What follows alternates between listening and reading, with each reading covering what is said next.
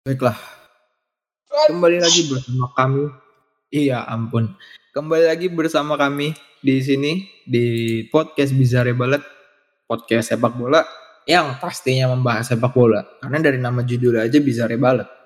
Balet itu di uh, judulnya itu diambil dari bal yang di mana punya dibikin arti yang berbeda gitu. Tapi artinya tentang sepak bola lah. Nah, kita sudah hadir lagi ya tim ya di season 4 episode 21. Yang di mana oh, iya. di episode 21 ini punya bahasan yang seru lah. Karena kita membahas dari aftermatch ya. Aftermatch apa nanti kita kasih tahu gitu. Tapi seperti biasa di Bizarre Ballet episode 21 season 4 kali ini karena kita tidak mengundang tamu spesial gitu kan. Tidak mengun bukan tidak mengundang karena tidak ada juga yang mau dan kebetulan yang ini ya cukup kita berdua aja karena kita mendukung dua klub ini yang akan kita bicarakan gitu. Jadi itu clue tipis lagi yang ada di episode 21 gitu kan. Dan seperti biasa episode 21 ini akan ditemani oleh dua orang yang rasanya sih tidak perlu dikasih tahu lagi siapa namanya karena ya yang dengar juga cuma itu itu aja kan. Yoi. jadi kita akan langsung uh, membahas tentang bukan langsung ya kita kita bahas kita kasih tahu lagi topik yang ada di episode 21 di mana di episode 21 sebenarnya ini adalah episode 21 yang versi yang kedua. Sebenarnya ada yang pertama cuman sangat disayangkan di yang pertama itu aduh jelek banget gitu harus di ulangin lah makanya jadinya muncullah dua satu versi yang kedua ini gitu. Yang di mana di episode 21 ini kita akan membahas tentang salah satu bukan salah satu salah dua klub yang bertanding di tahun 2023 ini punya punya jadwal yang dipertemukan tiga tiga empat kali. Dipertemukan di empat pertandingan yang berbeda di tahun 2023 dan ini terjadi di wakil dari dua ini adalah wakil dari Liga Spanyol yang akan mempertemukan di empat game yang berbeda. Sayangnya di empat game berbeda itu di tiga game, tiga game karena tiga game sudah dimenangkan oleh klub dukungannya Timi gitu kan yang di mana di pertama itu di Super Copa ya tim ya. Di Super Copa dulu bener Super Copa. Yang kedua itu CDR Leg 1 dan yang akan kita bahas ini mungkin after match dari ini CDR Leg 1 sama after match dari La Liga leg 2 ya timnya kalau La Liga ya. Karena kan hmm. putaran pertama kan kemarin mainnya di Santiago ya. Iya di di leg pertama oh CDR ya di, di Bernabeu bener. Bukan yang pas di versi La Liganya yang di tahun oh, kemarin. Iya, di La Liga di Bernabeu, iya. Oh, La Liga, iya. Betul. Dan di aftermatch ini juga kita mungkin akan memprediksi nanti di CDR versi di, di versi CDR yang akan datang leg kedua gitu. Tapi sebelum kita masuk ke topik 21 nih, topik utama yang 21, lebih baik kita memulai podcast ini dengan pemanasan terlebih dahulu. Jadi Ya, gue dulu kali ya. Ya dulu dulu deh. Gue akan membawakan sebuah pemanasan yang di mana pemanasan ini lagi panas gitu. Karena nggak ada angin, nggak ada hujan, tiba-tiba petinggi Bayern memecat Julian Nagelsmann dan di, sudah resmi digantikan oleh Thomas Tuchel gitu. Yang di mana ya gue sih bingung sih, cuman rasanya dengan hadirnya berita ini cukup bertanya-tanya gitu. Bertanya-tanyanya apa? Nanti aja kita akan bahas di episode selanjutnya. Tapi berita singkatnya sih ya kenapa tiba-tiba gitu? Emang apa yang membuat Julian Nagelsmann dipecat dan harus digantikan Thomas Tuchel gitu? Itu aja dulu. Kalau dari gua, kalau dari lu nih tim, ada pemanasan apa tim? Gue sih mau nanggapin dia soal Nagelsmann. Boleh sebenarnya nggak kaget juga karena emang Nagelsmann juga emang internalnya muncul uh, kayak emang kayaknya nggak baik-baik aja sih selama sama Nagelsmann apalagi yang musim lalu juga kan Nagelsmann lu tahu sendiri lah banyak suka nyoba-nyoba formasi ini itu yang membuat pemain jadi pada nggak nyaman. Oke lah sistem dia bermain emang sesuai lah sama kapasitasnya Munchen itu malah Hmm. ya. Habis itu dan dengan hadirat Tuchel juga emang itu Munchen satu-satu banget karena di pasar dia juga masih nganggur ke keburu diambil klub lain. Yang ada kalau misalnya nunggu sampai musim juga kalau mau Tuchel jadi ini bagus juga sih untuk Munchen cuma ya gitu harus adaptasi sistem baru lagi. Dan gua rasa sih sistemnya gak beda jauh lah cuma ada sedikit perubahan aja sih ntar sama Tuchel mah. Dan menarik sih kiprahnya nanti di Champions League gimana. Dan Nagelsmann se- dipecat juga sebenarnya track record dia di Champions League bagus kok kalah juga cuma sekali doang selama dia melatih Munchen dan apa tuh namanya dan untuk musim ini dia juga 8 kali menang berturut-turut dan clean sheet dan 7 clean sheet dan kejebolan cuma sama Victoria Pleasant doang sih Sorry, ralat. Opo Tuchel kalah sama Munchen. Maksudnya ketika lagi melatih Chelsea. bukan maksudnya ini yang, yang Tuchel maksudnya yang, waktu ntar dia hadir dia hadir di Munchen ini apa tuh namanya ini Yang apa masih namanya PSG. sistemnya ah, sistemnya ada per- apa tuh mungkin nggak beda jauh sama Nagelsmann tapi kayak bakal ada perubahan dikit gitulah Oh. sudah nggak beda jauh tuh ini dari transi apa tuh transisi serangan sih Iya, kan Munchen iya, kan iya. jago tuh dalam transisi serangan nah Sistem Tuchel kepelatihan ya berarti ya. ya Ya tuh. Oke, terus dan yang dan yang apa tuh namanya? Dan yang apa tuh yang yang menarik ditunggu apakah Tuchel mainnya tiga back lagi? Ah semoga sih enggak. Semoga tetap tetap sesuai filosofinya Munchen 4-2-3-1 sih. New club new Tuchel lah ya. yoi. Ya semoga Gitu. sukses lah untuk Tuchel juga lah. Munchen. Oke. Tapi tapi tetap aja meskipun itu udah sempat dibahas Timi, eh, kalau gue sih punya pikiran liar tentang nanti eh, di episode yang akan datang kita akan bahas tentang Tuchel di Munchen gitu. Tapi itu nanti di episode yang akan datang gitu. Kita fokus ke sini dulu. Berita yang lain ada lagi nggak tim? Apa cuman itu doang? ini siapa Kylian Mbappe resmi jadi kapten timnas Prancis dan malam ini akan menjadi debutnya di timnas sebagai kapten setelah pe- pensiunnya Hugo Lloris dari timnas. Oh, Lo- Loris juga pensiun ya? Iya, dia pensiun. Oke. Udah tim. Gue mau lagi soalnya. terakhir terakhir terakhir terakhir. Sabar sabar sabar. Sebelum yang terakhir, gue potong dulu dikit. Gue pengen nanya. Oke. eh gini soalnya karena yang gue lihat di berita itu banyak yang mempertanyakan ketidaklayakannya Mbappe menjadi kapten gitu. Seharusnya di situ posisinya Griezmann. Kalau menurut lu dari sudut pandang lu nih, cocokan siapa? Dan Mungkin sebelum gue bilang cocokan siapa, mungkin karena ini kali karena Deschamps-nya ngasih privilege lebih ke Mbappe sih itu sih menurut gua. Habis itu kalau kalau kalau dari layak, siapa Griezmann oke juga, tapi Giroud Giroud juga boleh juga sih Giroud. Giroud sih gua. Giroud. Giroud. Jadi intinya kenapa Deschamps lebih milih Mbappe mungkin karena Dikasih privilege lebih. Mbappe. Kayak gitu aja sih kalau kata gua. Mm-mm. Tapi kalau misalkan karena kan Griezmann ini kan juga jadi wakil kapten. Menurut lu kalau misalkan Griezmann itu jadi kapten cocok gak sih? Apakah dia bisa menjadi pemimpin yang baik juga? Dibilang cocok, Belum tentu juga ya. belum tentu juga. Tapi Belum tentu eh, juga. muk- eh, abis itu kalau kalau di belum tentu juga. Tapi kalau Mbappe itu karena ada potensial leadernya ada, karena berpotensi aja sih. Mungkin Iya, ini iya. kali kayak pas waktu di World Cup kan waktu di World Cup waktu mereka waktu final ketinggalan 2-0 kan pada diem semua cuma Mbappe doang yang yang apa tuh yang kasih motivasi ke berapi-api teman-teman. tuh. Iya pas Ya. final. Ya dan dan gue juga baru kepikiran sih maksudnya kenapa Griezmann gak jadi kapten mungkin karena dia sama sesama pemain aja ada yang gak disukain kan gitu. Jadi mungkin itu kenapa mungkin kalau Mbappe masih bisa lebih bisa ngomong lah ke satu tim gitu. Mungkin ya. Karena mungkin kejadiannya ya kan Griezmann kan sangat sensi sama Benzema kan. Iya gak sih?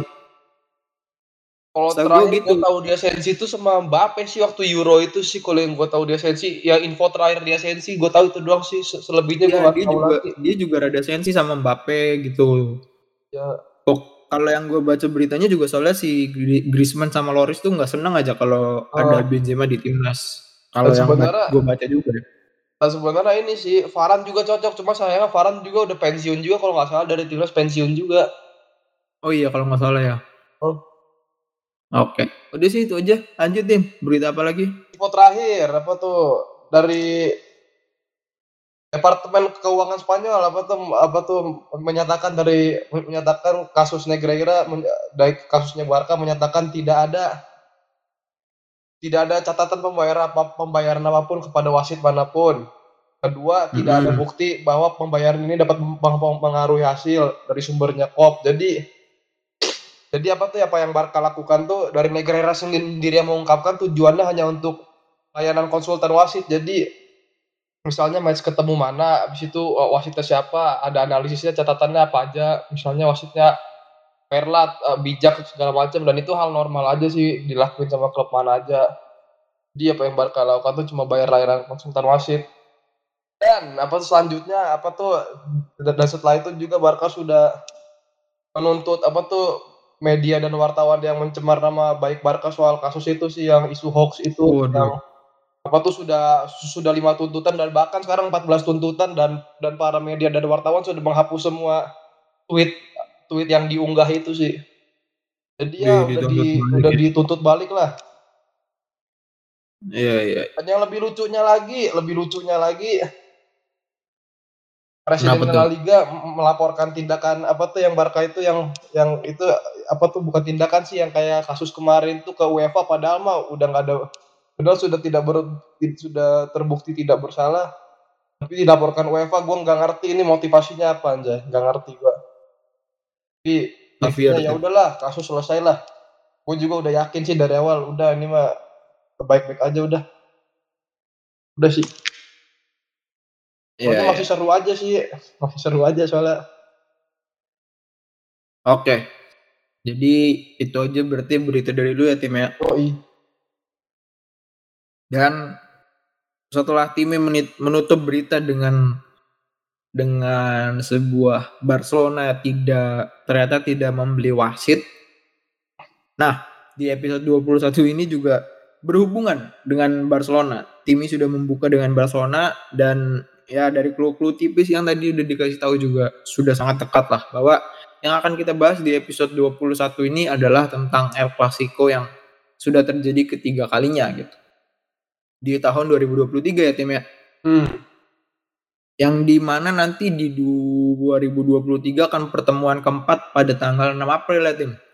Yoi. Di di mana? Di versi apa? Versi CDR leg 2 ya? Leg kedua. CDR leg kedua. Tapi sebelum kita memprediksikan CDR leg kedua nih, mungkin kita bahas dulu nih aftermatch dari CDR leg 1 sama La Liga. Mau dari lu dulu atau dari gue dulu nih? Dari lu dulu, dulu lah. Dari gue dulu. Ya udah. Ya Waduh, boleh. Coba gue sedikit, gue mau buka dulu formasinya Real Madrid ketika berjumpa Barca di di ini di mana di CDR leg 1 sabar gue buka dulu ya dan membuka Madrid ketika berjumpa Barca di La Liga. La Liga. Formasinya sebenarnya sih kayaknya sama nih. Coba kita buka. Oke, jadi dimulai dulu dari yang kalah dulu ya, karena ya. sudah tiga game, tiga-tiganya juga kalah, sangat bodoh sekali. Kita mulai dari Copa del Rey leg 1. Copa del Rey ini sama sama sih. Sama semua formasinya. Dari belakang Courtois, Nacho, Rudiger, Eder Militao, Carvajal, Toni Kroos, Camavinga, Vinicius Junior, Luka Modric, Fede Valverde. Dan parahnya juga menggunakan formasi yang sama juga yaitu 4-2-3-1 yang di mana kalau dari yang gue lihat nih ya, gue simpulkan langsung aja ya. Kalau di di dari Copa del Rey 1 sampai La Liga ini emang kelihatannya sih sama sih dari dari formasinya sama, dari pemainnya juga sama. Cuman yang membedakan adalah membedakan mentalnya doang. Ketika di La Liga tuh mereka mungkin lebih siap gitu. Cuman itu doang yang lebihnya dari El Clasico di La Liga gitu. Sisanya sih sebenarnya masih sama aja gitu kan. Dimulai dari bermain di sayap kiri doang Vinicius Junior gitu. Terus tidak ada apa ya? Tidak ada juga perputaran ke daerah lain di mana maksudnya di situ kan udah dua kali juga Valverde ditaruh di posisi yang sama tapi ya udah permainannya benar-benar pure di Vinicius Junior aja gitu nggak ada rotasi-rotasi yang menarik gitu gitu itu satu terus juga dari kedua game yang after match ini, Vinicius Junior itu berhadapan sama Araujo. Bisa dilihat ketika Vinicius Junior melawan TAA emang masih bisa dihadapin lah. Tapi kita ini kan ngelihat Araujo loh. Araujo ini sosok yang ngantongi yang bisa mengantongi Vinicius Junior dengan mudah gitu. Jadi harusnya Ancelotti bisa berbenah lagi gitu kan. Karena ya dari dari Super Copa sampai CDR aja tuh itu ketutup juga. Terus kenapa udah di game ketiga masih masih belum berbenah gitu tuh kan. Jadi ketik terus juga ketika udah tahu Vini lawan Araujo itu nggak bisa ditambah lagi Vini yang terlalu maruk menghadapi Araujo. Harusnya adalah beberapa peluang tuh yang bisa dioper atau nggak bisa dimundurin ke belakang gitu. Cuman sayangnya itu tidak dilakukan Vini. Vini malah sibuk asik dengan leguan-leguannya gitu. Yang berujung pada akhirnya dipentalkan oleh Araujo kalau enggak ditahan Araujo gitu. Yang di mana dari Araujo dibalikan ke depan untuk jadi serangan gitu counter attack gitu kan. Terus juga dari yang gua khawatirkan juga ya dari awal dari dari dari Super Copa berarti. Yang di mana di Super Copa kan Balde itu tampil juga ya El Clasico ya timnya. Tampil juga ya. Ya, dan di, di situ gue ngelihat di situ Balde benar-benar merepotkan Carvajal gitu. Di game kedua menuju CDR Leg 1 masih tetap juga masih Carvajal Carvajal juga. Bahkan sampai di game La Liga juga tetap aja Carvajal yang dimainkan. Yang harusnya menurut gue tuh ketika Balde dimainkan, ya minimal coba dulu lah mungkin di CDR leg satunya cobain Vasquez apakah benar-benar bisa nutup enggak karena dari tiga game ini ya pure Carvajal semua gitu yang main. Jadi ya sangat disayangkan aja. Oke okay, emang Carvajal jago. Cuman ketika lu dihadapin dengan seorang muda yang punya speed dan yang di mana juga sekarang kan tem apa uh, tempo permainan kan lebih ngandelin speed ya timnya Iya benar. Sangat disayangkan aja kenapa nggak diubah gitu kan. Gitu yang gue bingungin itu juga. Terus di mana dari dari CDR Leg 1 sampai La Liga juga tidak ada pergantian gitu kan. Pergantian Rodrigo yang yang menurut gue itu sebenarnya Rodrigo tuh kadang jadi bocil kematian gitu karena tiba-tiba bisa ngasih keajaiban atau enggak tiba-tiba yang mungkin sedikit tapi membantu gitu kan. Itu nggak terjadi. Valverde nggak diganti di, didimin aja di situ. Valverde pun ketika di lapangan pun agak bingung ya karena lagi-lagi di La Liga kemarin juga ya mainnya cuma di satu arah doang gitu. Nggak ada nggak ada umpan crossing nggak ada um, dari tengah di crossing ke depan nggak ada. Pure ya pure dari Vinicius Junior aja gitu ya gue gue sih sebagai fans sendiri sih bingung ngelihat permainan yang kok nggak ada berubah-berubahnya gitu kan. Terus ya dari formasi juga Kamavinga lagi, Kamavinga lagi. Oke lah emang Kamavinga dari sini mengalami sebuah perubahan gitu kan. Tapi harusnya ketika dari CDR leg 1 karena dari CDR leg 1 ini sampai La Liga nih bener-bener pure di sama gitu kan strategi dan pemainnya juga.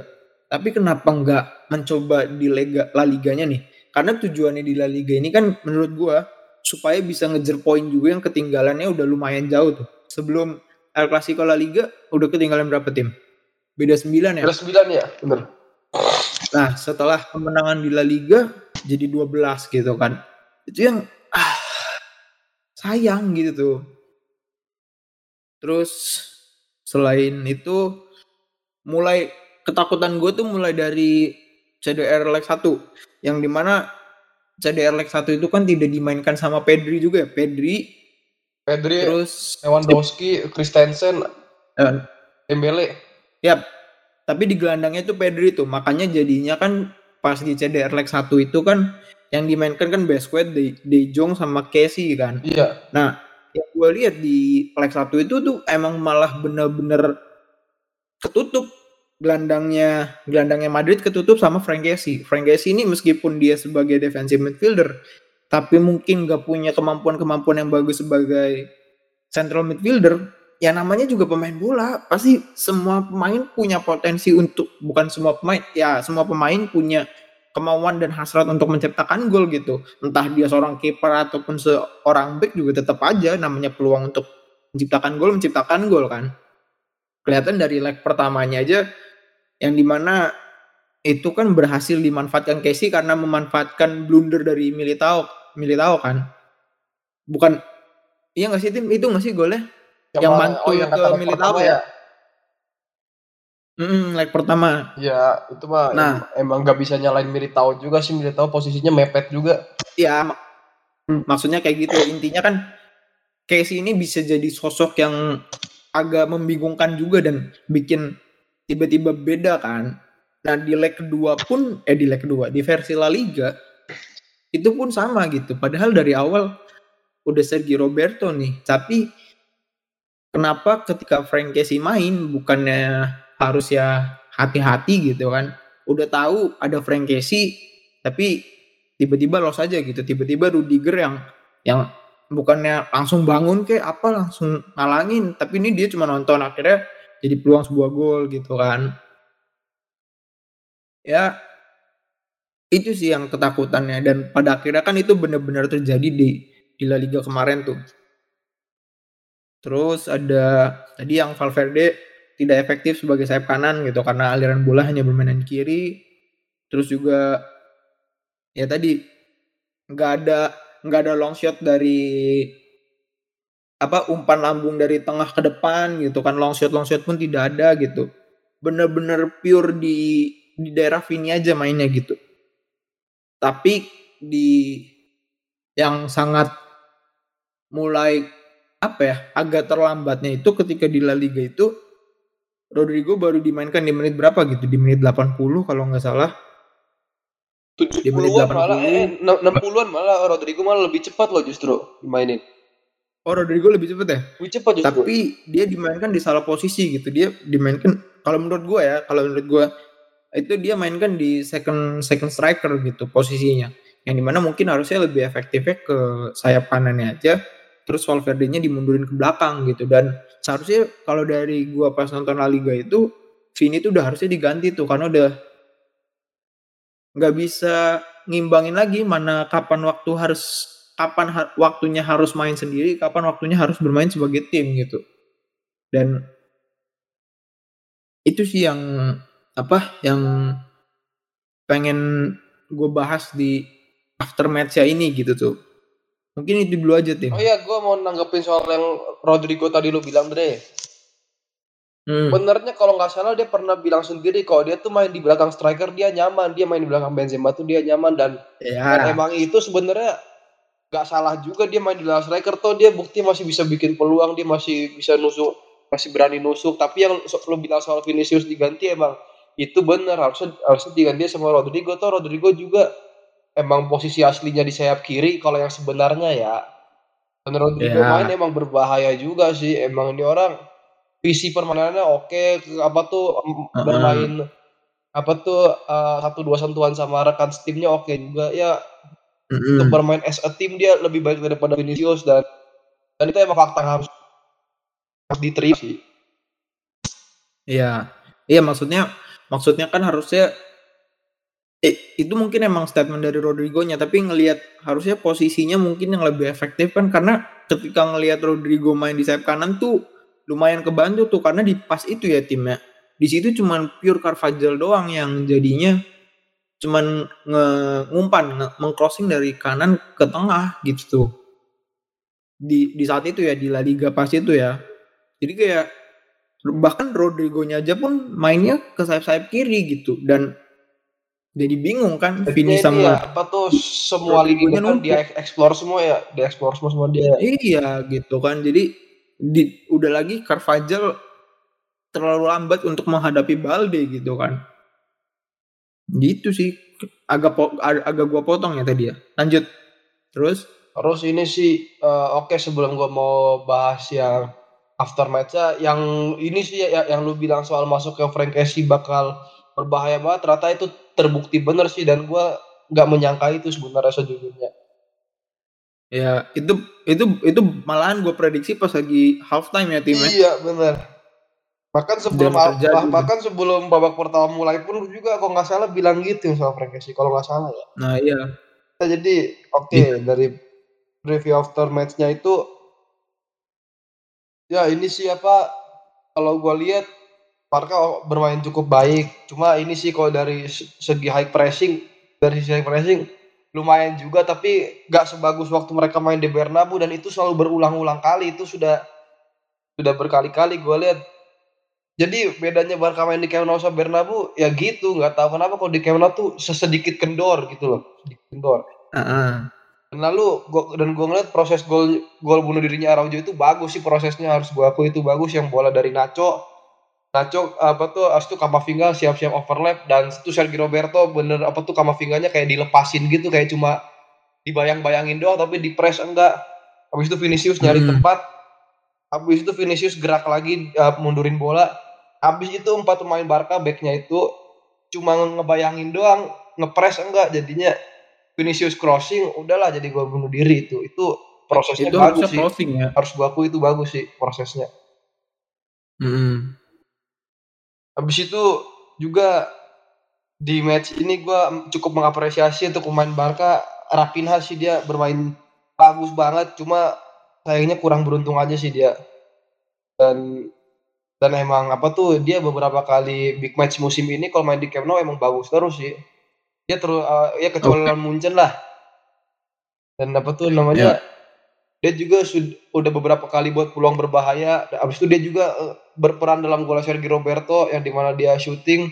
Habis itu di blok sama Militao baru di baru, baru bolanya ditendang sama Sergio Roberto jadi gol tuh satu-satu. Ya itu ini sih emang yang benar-benar perjuangan banget sih itu golnya. Habis itu yang gua nggak yeah. nyangka juga Araujo mainnya malah lebih ofensif loh. Dia sering overlap gitu loh dan ini gue nggak tahu ini antara hmm. instruksinya Safi atau emang dia inisiatif sendiri. Kan biasanya dia kalau main bek kanan tuh ngedok aja biasanya kalau yang gue tahu ya. Ngedok yeah. aja biasanya. Dan masuk tiba-tiba ya tim itu juga ya. Dan emang di match ini juga Madrid benar-benar ofensif banget mainnya emang benar-benar itu dari instruksi Ancelotti juga sih kalau nggak salah karena mereka emang benar-benar mau ngejar mau mangkas selisih poin banget itu. Betul ya, dan cuma sayangnya itu ya per, ya itu ya defense-nya Barca emang lagi on fire on fire juga sih. Dan di match ini juga untuk kedua kalinya Barca kejebolan di Camp Nou sih untuk kedua kalinya. Ya. Lalu masuk ke babak kedua. Babak kedua ini sih apa Madrid banyak melakukan perubahan dan Safi pinternya Safi ngeresponnya di saat ini sih 10 menit terakhir. Dan itu dari 10 menit terakhir ternyata itu berguna juga sih untungnya berguna juga sih untungnya. Waktu melakukan perubahan. Dan dan apa tuh namanya? Dan yang dan yang gol Frank Casey juga nggak nyangka juga sih. Lagi-lagi dia muncul gitu aja pemain Madrid itu nggak ada yang jagain dia. Itu kesalahan yang dilakukan lagi. Leg pertama pun juga sama waktu Casey nendang bola dihalangin Ansu Fati itu pemain Madrid nggak ada yang jagain dia. Dia dilepas gitu aja udah Iya, cuman untungnya di leg 1 kan ada Ansu Fati ya, kan. untungnya dan dan pas di La Liga Casey ada mengubah juga. tendangan dia bukan ke kiri. Kalau ke kiri ntar kehalangan Sufati lagi. Jadi dia dia ubah ke Iya, kanan gitu. Dan itu dan itu e- emang proses golnya keren juga sih Lewandowski pegang bola udah lagi one on one sama Carvajal dan di back heel ada Balde overlap di situ langsung cutback gol itu itu gila sih itu keren juga ya Iya. dan da, ya dan untuk pemain Madrid yang patut diapresiasi apresiasi Nacho dan Kamavinga sih bermain cukup baik apalagi Kamavinga yang di mana dia udah belajar dari kesalahan dia di dua El Clasico sebelumnya yang di mana ya sebelumnya masih error lah jadi starter di El Clasico masih error gitu sekarang udah udah improve lah bisa membuktikan kalau dia kalau dia apa tuh udah berubah lebih baik ya seperti yang gue bilang emang ini pemain berpotensi banget sih emang itu dulu sih gue Gue mau nambahin lagi nih. oke Dan yang gue bikin bingung adalah tib- tiba-tiba Ancelotti mengubah skema permainan dari 4-3-3 jadi 4-2-3-1 gitu. Entah apa entah apa maksudnya gitu kan. Karena ternyata di sini Modric bermain lebih di posisinya sih bermain lebih ke depan gitu. Kalau di kalau di PES kan posisinya attacking midfielder ya. iya benar Cuman cuman ya sama lagi-lagi mau 4-2-1-3 atau 4-3-3 juga kalau mainnya cuman di kiri di Pini doang nih. Aduh, Pini kenapa nggak sadar-sadar lu? Udah udah tahu lu ketemunya Araujo bukan TAA. Kalau ka- kalau ketemunya TAA mah los dah terserah lu. Ini ketemunya Araujo. Gitu tuh. Karena yang gue lihat juga kan ya Pini emang kalau ketemu TAA tuh kayak singa mau mau, mau nerekam siapa aja mau ketemunya gajah diterekam aja sama dia. Cuman nih kan ketemunya Araujo nih. Ini semut tapi mematikan gitu tuh. Udah gitu bingung nih yang yang dapat seperti yang gue jelasin tadi ya. Cuman sayangnya yang dengan skema 4213 ini dengan kemi apa ya ya masih dengan minim rotasi juga kayak yang tadi udah dibilang lah. Coba nanti di di next gamenya nih 4213 ini udah gagal nih menurut gua nih. Masa masa iya sih seorang Ancelotti tidak bisa menghadapi Barcelona yang di mana layaknya Zidane gitu ya? Ya minimal Zidane kalah tuh nggak kalah beruntun lah gitu. Meskipun kalah tipis tapi kalahnya nggak beruntun gitu. Dan ketika Madrid dipegang Zidane ketemu Barcelona kayaknya agak jarang kalah ya tim Madrid ya timnya. Gak pernah kalah di Camp Nou malah. Gak pernah kalah di Camp Nou kalau mau Zidane. malah nggak pernah dikalah di Camp Nou gitu. Emang mungkin kalau misalkan Ancelotti ini kayak gimana gitu tuh. Cuman cuman mungkin itu aja dulu kalau dari aftermatch dari CDR Leg 1 sampai La Liga ya timnya. Dan mungkin sekarang kita langsung fokus aja ke pertandingan terakhir, pertemuan keempat di 2023 yang akan dipertemukan di versi CDR Leg 2 ya timnya. Iya. Boleh sih. Mungkin mulai dari lu dulu nih, gimana nih? Ya sebelum gue bawa bahas ke situ, tapi gue bangga sih menang El Clasico tanpa pemain kreatif seperti Dembele dan- Pedri dan itu emang ta- tanpa kehadiran mereka berpengaruh banget dan gue sedihnya mereka ternyata gak bisa gak bisa main El Clasico lagi karena cedera mereka di, diperpanjang lagi dan itu sih yang bikin gue sedih juga. Oh iya. Ya, ya oke kita masuk ke leg kedua. Ya lagi-lagi leg kedua tanpa Christensen, CDR. Karena harus cedera saat bela negara, ya ini agak mengkhawatirkan ya buat gua.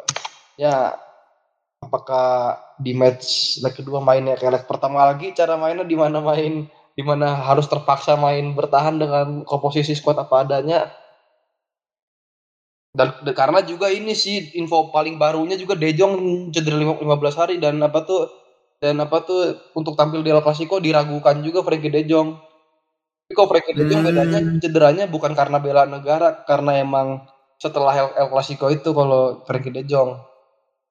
Oh iya iya. Iya. Dan beruntungnya Araujo sudah cepet, udah sembuhnya cepet banget cedera Ka- karena kan dia diperkirakan baru bener-bener bisa tampil pas pas hari H El Clasico banget tuh. Eh ternyata hari ini Hmm. udah sembuh juga. Ya, ya itu bikin gue happy lah. At least ada Araujo gitu. Dan dari pagi main ya sama Uruguay. Oh enggak dia bener-bener mm, nggak main di Uruguay. Kalau bisa nggak usah lah anjir. Di Uruguay gampang cedera dia. gampang banget cedera. Oh ya oke oke. Sedikit keluar balik lagi. Terus Ya, gue apa lagi nih? Leg kedua kali ini ini sih ya mungkin sepertinya teori pesimis lagi sih kayak kayak leg pertama. sepertinya ya Teori ya, pesimis. bukan pesimis gitu sih lebihnya kayak realistis aja dengan komposisi squad. Bukan bukan pesimis pesimis Oke. banget kayak ya realistis aja lah berharap ini lolos gitu loh. Apa pun caranya gitu. Hmm. Itu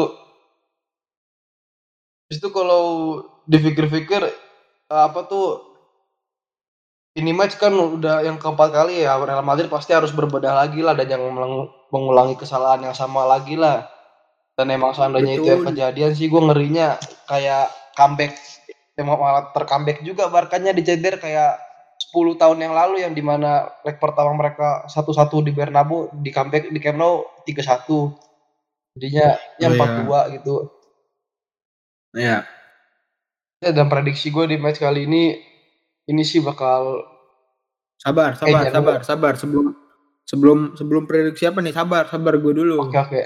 Oh iya lu dulu deh. Oke, Eh, dari kan Madrid. bablas ya. Iya, sabar.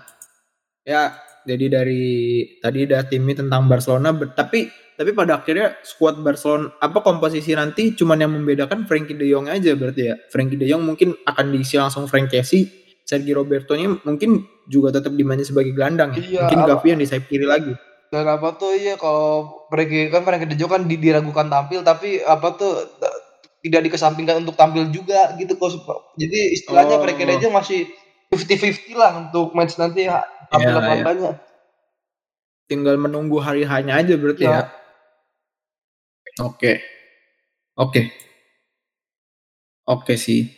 Ya, jadi dan itu ada itu mungkin tadi dari prediksinya tim tentang Barcelona yang akan bertemu Real Madrid nanti di leg kedua gitu, CDR leg kedua. Nah, kalau dari gua sebagai fans Real Madrid gitu kan, Real Madrid ya, bukan Atletico Madrid ya. Karena kalau Atletico Madrid bukan El Clasico dong judulnya dong. Jadi pertemuan keempat di tahun 2023 ini El Clasico versi CDR leg kedua. Ayolah. Padahal gue tuh berharapnya dari 4 game kalah 2, menang 2 nggak apa-apa lah gitu. Karena harapan sebenarnya harapan lebih berharapnya sih di yang ketiga sih karena di ketiga ini kan La Liga nih. Cuman sayangnya itu kalah. Nah, mau nggak mau nih ini minimal menang lah yuk, jangan kalah lagi gitu. Yang di mana dengan biasanya eh, Ancelotti menggunakan 4-3-3 gitu kan. Kenapa tiba-tiba menggunakan 4-2-3-1? Kenapa tidak menggunakan 4-3-3 seperti Safi yang terapkan gitu dari dua game sebelumnya juga? Mungkin oke lah. Kalau Nacho ya, Nacho justru gue lebih impress sama Nacho dibanding Kamavinga ya. Karena Nacho, Nacho tuh pilihan ketiga loh, ibaratnya pilihan ketiga. Karena sayap kiri cedera, Alaba cedera, baru Nacho main kan. Kalau nggak dua orang itu nggak cedera, nggak mungkin dimainin kan Iya sih.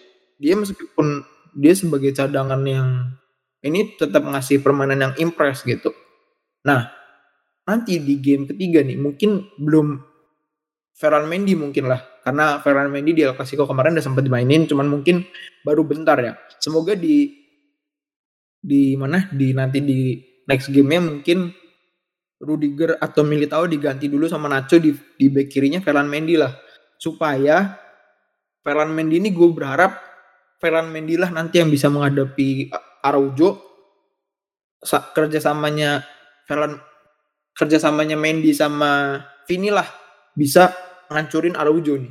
Karena Nacho sendiri pun agak bingung ketika harus bekerja sama dengan Vinicius untuk menghadapi Araujo kemarin nggak kelihatan gitu dan yang dari kemarin juga kan kelihatannya emang pure Vini doang yang mainnya sendiri, sibuk sendiri gitu kan dan nggak ini gitu. Jadi gue berharap Mendy lebih diutamakan sih karena mungkin Mendy dari defense-nya ada meskipun kadang suka lupa ke belakang ya timnya Mendy ya. Hmm. Tapi Mendy diharapkan bisa masuk terus mungkin Chouameni nih, Chouameni lebih dikasih dulu daripada Kamavinga lagi. Ya meskipun emang kalau kata lu ada perubahan ya ada sih tetap ada mulai gitu kan.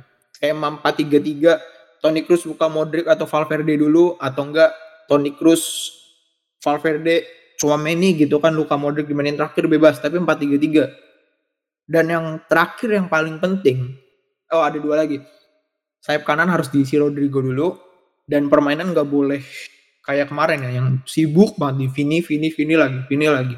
Udah tahu Vini kelemahannya tuh ketika bertemu Araujo gitu. Jadi udah susah berkutik lah. Harusnya Rodrigo di sini yang ngebantu juga di sayap kanannya supaya bisa lebih cair lah gitu tuh. Adanya long shoot, umpan crossing dari depan, dari tengah ke depan gitu kan. Kalau nggak umpan crossing dari kanan ke tengah gitu, nggak cuman pure di kiri doang gitu. Karena itu yang gue lihat kemarin di La Liga sama di CDR 1 gitu. Dan itu benar-benar membingungkan sih. Dan apalagi nanti ketika yang masih yang gue takutin Frank Casey nih. Frank Casey Kamavinga mungkin agak sedikit loss ya ketika ketemu Casey ya. Apalagi kemarin yang Rudiger tuh yang benar-benar anjing lah. Kenapa sih harus terjadi? Kenapa lu cuma liatin? Kenapa nggak bangun gitu tuh? Dan ya minimal Toni Kroos sama Valverde yang sebagai central midfieldernya, Chouameni mungkin sebagai defensive midfielder ngebantu dua dua back di tengah nih kan. Karena prediksi gue sih mungkin Nacho sama Militao atau enggak Nacho sama Rudiger lah gitu minimal. Carvajal juga harus diganti dulu. Asensio juga harus main sih. Jadi ya banyak perubahan sebenarnya kalau yang dari yang gue lihat ya, apalagi ketika nanti Frank Casey main nih. Itu yang gue takutin. Meskipun tuh orang defensive midfielder tapi tuh harus berhati-hati. Kalau masalah striker yang yang gak bermasalah itu kan strikernya Barcelona emang agak bingung kalau misalkan ngadepin back Barca gitu karena udah dari dua game terakhir yang golin kan gelandang semua ya timnya. Iya bener. Bener kan? Jadi ya kalau masalah strikernya sih nggak nggak perlu ditakutin, cuman bayangan dari strikernya nih yang lagi-lagi suka bikin khawatir gitu. Itu aja dulu sih mungkin buat prediksi di leg kedua nanti. Mungkin kita langsung lanjut prediksi aja kali ya timnya. Prediksi Line up dulu, line up, line up. line up. Dari gua dulu nih berarti ya. Oke. Oke, dari kiper ada Thibaut Courtois seperti biasa. Di back di back kiri ada Mendy. Di back tengah mungkin ada Nacho sama Militao dulu mungkin ya. Nacho lebih lebih terbangun nih. Menurut gue juga harusnya Rudiger tuh bisa semakin baik memanfaatkan Alaba yang lagi cedera gitu kan untuk bener-bener dia bisa jadi di tim utama gitu cuman sayangnya aduh gue masih kesel sama gol yang kemarin Sergio Roberto ya. bukan bukan Sergio Roberto yang kayak yang Frank Casey itu Oh, oh. karena dia bener-bener cuma ngelihat doang iya, kan? iya. Oh, harusnya cuma dia di doang gitu ya. bangun ngalangin gitu tuh. Terus back tengahnya kan Nacho sama Militao gitu kan. Di back kanannya nih Carvajal mungkin menurut gua harusnya prediksi gua agak sedikit subjektif ya kalau dari gua. Harusnya sih Vasquez nih dicoba nih ya meskipun mungkin pada akhirnya Carvajal juga yang akan turun. Terus back eh gelandang gelandangnya mungkin baru Valverde Luka Modric Toni Kroos nanti di babak kedua benar-benar babak kedua entah siapa digantiin Chouameni mungkin. Nah di depannya baru Vini Benzema Rodrigo. Skema 4-3-3 dan skema permainannya mungkin lebih variatif lagi biar pola serangan nggak nggak terlalu mudah dibaca lah. Karena nih ini orang kalau Vini masih melakukan hal yang sama di nanti di leg kedua namanya tolol gitu mungkin itu aja dulu kalau dari prediksi gua Kalau dari lu tim gua, prediksi Ya. Ya kalau dari Barca Ter Stegen lah, Ter Stegen.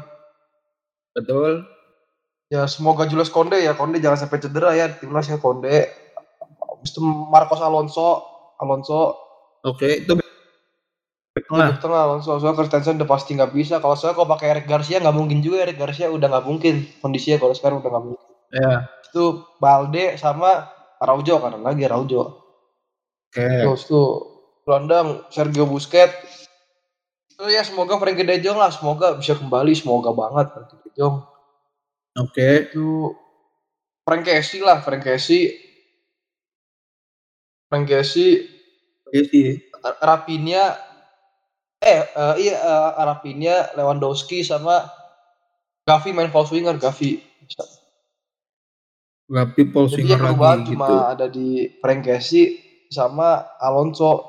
Itu sih kalau ya harapan Alonso ya Iyalah. Dan Barca nggak perlu dan banyak apa tuh namanya? tinggal Gua matengin. rasa kalau dengan bermain Frank Casey pola permainan mungkin ofensifnya gak seperti kemarin waktu di liga sih. Mungkin seperti itu karena ini skuadnya agak-agak pincang juga. Pedri Pedri ternyata cederanya diperpanjang, begitupun juga Dembele. Habis itu tambah tambah Christensen. Nggak ngaruh dari tiga game kemarin juga nggak Iya. diperkuat Pedri sama Dembele juga tetap kalah aja nih. Ya, tapi kan Siapa at least kan variasinya sama permainan lebih hidup lagi. Setidaknya kan kemarin oke lah. Uh, kemarin permainan lumayan. Cuma kalau dibilang hidup sih nggak sehidup waktu ada mereka berdua gitu loh. Oh, nggak maksud gue yang tadi gue protes itu buat Madridnya Oh, yang enggak. bodoh ya, bukan bukan Barcelonanya. Gitu tuh. Iya, ya ngerti ngerti. Gitu. Lanjut. Itu tadi apalagi tuh ya jadi untuk gua harapannya ya mungkin gantian lah gantiannya kan kalau kemarin game changernya Frank Casey nah nanti kalau ya leg kedua Sergio Roberto gitu game changernya karena ya kalau untuk jadi game changer juga cocok sih Sergio Roberto tuh cocok aja Super sub juga berarti ya. iya Ya. Dan Oke, harapannya semoga permainannya seru juga sih dan lebih atraktif lagi Betul. itu dulu sih gua mah Ya sama seperti gue juga harapannya ya lebih atrak- lebih atraktif, lebih lebih variatif serangannya kalau dari Madrid sendiri juga ya. Semoga semoga Ancelotti nanti benar-benar berubah nih ketemu di leg kedua jangan ulangi kesalahan yang sama gitu yang di mana apa tuh kesalahan yang sama gitu kan. Khawatir gue juga. Kalau kalah lagi nih mah masa kalah lagi sih? Astaga. Gitu. Udah mungkin itu aja kali dari prediksi ya. iya itu dulu sih Nah, sekarang setelah prediksi line up, kalian closing statement nih. Kalau misalkan prediksi skor tim, skor ya? Kalau prediksi skor Ya. aduh skor lagi. Sebelum prediksi skor sebenarnya waktu kemarin La Liga tuh jauh-jauh hari gue prediksi 2-1 cuma beberapa jam sebelum sebelum matchnya mulai gue berharap 2-0 tapi ternyata yang benar prediksi gue jauh-jauh hari ya ternyata yang benar eh, tapi kalau untuk kali Lalu? ini gimana ya sepertinya seri sih sepertinya ya satu sama atau enggak dua sama gitu waduh kalau seri berarti menang Barcelona. lebihnya realistis dengan squad yang ada apalagi habis jeda Hmm. internasional kan ya kita nggak tahu lah performa klub gimana ya, Ya, semoga Lewandowski kadang golin lah tiba-tiba berubah sih ya. semoga Lewandowski golin dah. Tapi kalau seri berarti menang Barca dong iya kalau gitu. kan itu gua tuh apa tuh pesimis realistis pesimisnya karena squad yang pincang gitu loh. Yang kayak pas di leg pertama aja pak. Tuh. Dan apalagi kan oh, Barca kan kadang habis international break kadang suka ngaco juga kadang. Habis international break kayak itu dia. Agak-agak meng- sedikit Iya, iya. mengkhawatirkan loh untuk gua jadi gua Oke. ya realistis ya realistis aja lah realistis berharap seri gitu lah Oke. Kalau dari gua ya. Kalau dari gua kayaknya sih ya kadang dengan Barcelona yang tiba-tiba suka berubah setelah dari timnas itu kan. Ya minimal yuk bisa yuk satu kosong aja. Rudiger jangan pau-pau lagi, Nacho yang bener gitu kan. Carvajal semoga di digantiin Vasquez nih meskipun pasti prediksi gue sih lagi-lagi Carvajal yang akan bermain gitu kan. oh iya tunggu Skornya sih menurut gue tunggu deh Hah? kalau satu kosong berarti extra time dong berarti misalnya ya minimal extra time dulu aja Oh, lah. Karena kalau misalkan ngelihat 2-1 kayaknya kayak kalau ngelihat 2-0 kayaknya agak terlalu berlebihan ya. Itu dengan Kalau kondisi yang sekarang pun ya 2-1 Iya. Kalau bagus sih syukur-syukurnya sih 2-0 sih. Cuman kayaknya agak bermimpi ya dengan dari tiga game yang permainannya sangat jelek sekali. Bermimpi 3 2-0 tuh sangat berat kayaknya. Apalagi back ya Barcelona sangat kokoh macam tembok Cina ya kan. Ketika lewat backnya belum tentu kiper lewat kan. Gitu. Belum lagi jebakan offside yang dilakukan Barcelona nih iya sih seperti gol Asensio yang ternyata offside itu tipis juga. banget tuh yang harusnya gila itu. Itu aja gue nggak nyangka itu offside itu ternyata se- setipis itu anjay. Iya. itu gue nggak nyangka sih. Terus gue nggak nyangka juga. Ya di- jadi prediksi gue sih ya meskipun gue agak pesimis tapi gue masih optimis bisa 2-0 dah.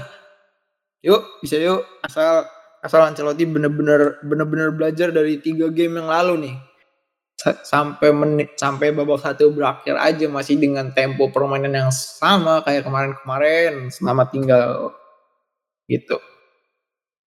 Gitu aja dulu sih tim oke berarti udah clear ya? Udah kali ya? Udah clear Klasiko ya? Udah clear berarti berarti itu aja dulu dari apa ya dari aftermatch-nya CDR Leg 1 dan aftermatch La Liga yang di mana di sini kita juga sekaligus memprediksi tentang apa yang akan terjadi nanti di leg kedua CDR gitu. El Clasico leg kedua.